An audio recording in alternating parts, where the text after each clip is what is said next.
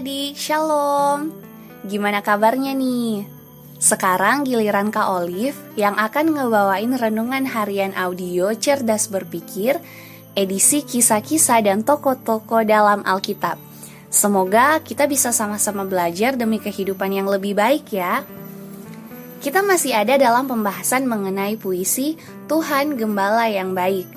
Puisi ini dibuat oleh Daud yang tercatat dalam Mazmur 23 ayat 1 sampai 6. Bunyinya gini. Mazmur Daud, Tuhan adalah gembalaku, takkan kekurangan aku. Ia membaringkan aku di padang yang berumput hijau, ia membimbing aku ke air yang tenang.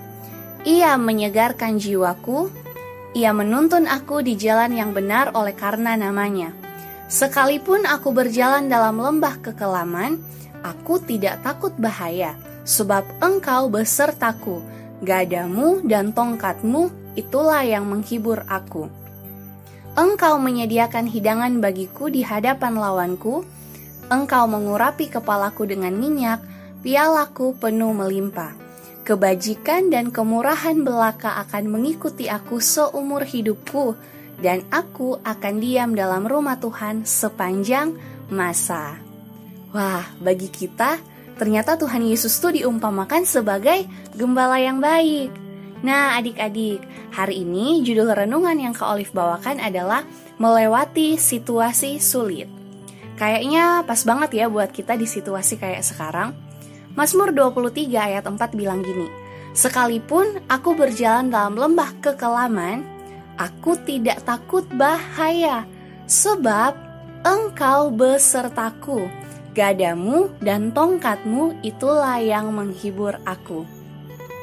Daud yakin bahwa sekalipun dia ada dalam situasi yang sangat sulit, dia nggak takut. Itu karena dia yakin bahwa Tuhan beserta dengannya. Kalau dihubungkan dengan kehidupan kita, lembah kekelaman bisa berarti suatu situasi yang menakutkan, penuh dengan ketidakpastian, kayaknya nggak ada harapan, dan semacamnya. Intinya situasi yang sulit. Mungkin di antara kita ada yang kayaknya sedang menghadapi lembah kekelaman atau situasi sulit serta situasi yang penuh ketidakpastian. Dan itu bikin kalian cemas soal masa depan. Gimana nilai raport nanti, nanti mau kuliah di mana, masa depanku cerah atau enggak dengan situasi kayak gini, dan berbagai pertanyaan soal ketidakpastian lainnya. Atau mungkin situasi sulit yang kita hadapi tuh kayak kita terjebak dalam situasi pengalaman yang gak menyenangkan, yang memicu munculnya perasaan negatif, takut, cemas, khawatir, kecewa, marah, dan yang lainnya. Hari ini, Kak Olive mau sampaikan kabar baik. Tuhan beserta dengan kita kita harus berusaha yakin bahwa ketika Tuhan bersama dengan kita, kita bisa melewati lembah kekelaman apa pun itu. Daud pernah bilang gini dalam Mazmur 56 ayat 4. Waktu aku takut, aku ini percaya kepadamu. Jadi, situasi sulit sebenarnya adalah sarana supaya kita belajar percaya kepada Tuhan. Yang penting sekarang kita harus melewatinya Jalani aja hari demi hari sebaik mungkin. Yang lagi cemas akan masa depan, jalani aja masa kini sebaik mungkin. Pelajari yang bisa dipelajari supaya jadi bekal di masa depan. Susah sih memang, tapi bukan berarti mustahil kan? Lagian, kalaupun mustahil, kan ada Tuhan. Tapi kan kak, nggak di posisi aku. Kakak nggak tahu gimana sulitnya situasi aku. Ya memang sih, Kak Olive nggak tahu situasi apa yang adik-adik lagi alami. Tapi yang kakak yakini Tuhan bersama kita, sesulit apa pun keadaan kita. So, yuk kita belajar mempercayai Tuhan sambil tetap berusaha sebaik-baiknya melakukan apa yang bisa kita lakukan, oke? Okay?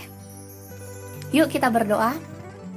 Betapa hati kami bersyukur ya Tuhan, karena kami kembali diingatkan kalau Tuhan begitu baik dan selalu beserta dengan kami.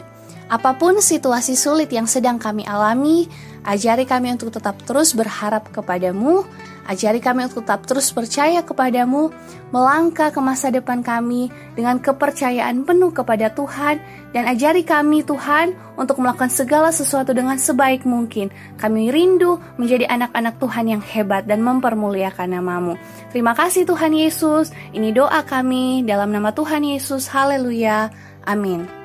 Oke, Kak Olive undur diri dulu ya. Tetap sehat semuanya, tetap semangat dan tetap jadi berkat. Jangan lupa bahagia, Tuhan Yesus memberkati. Dadah.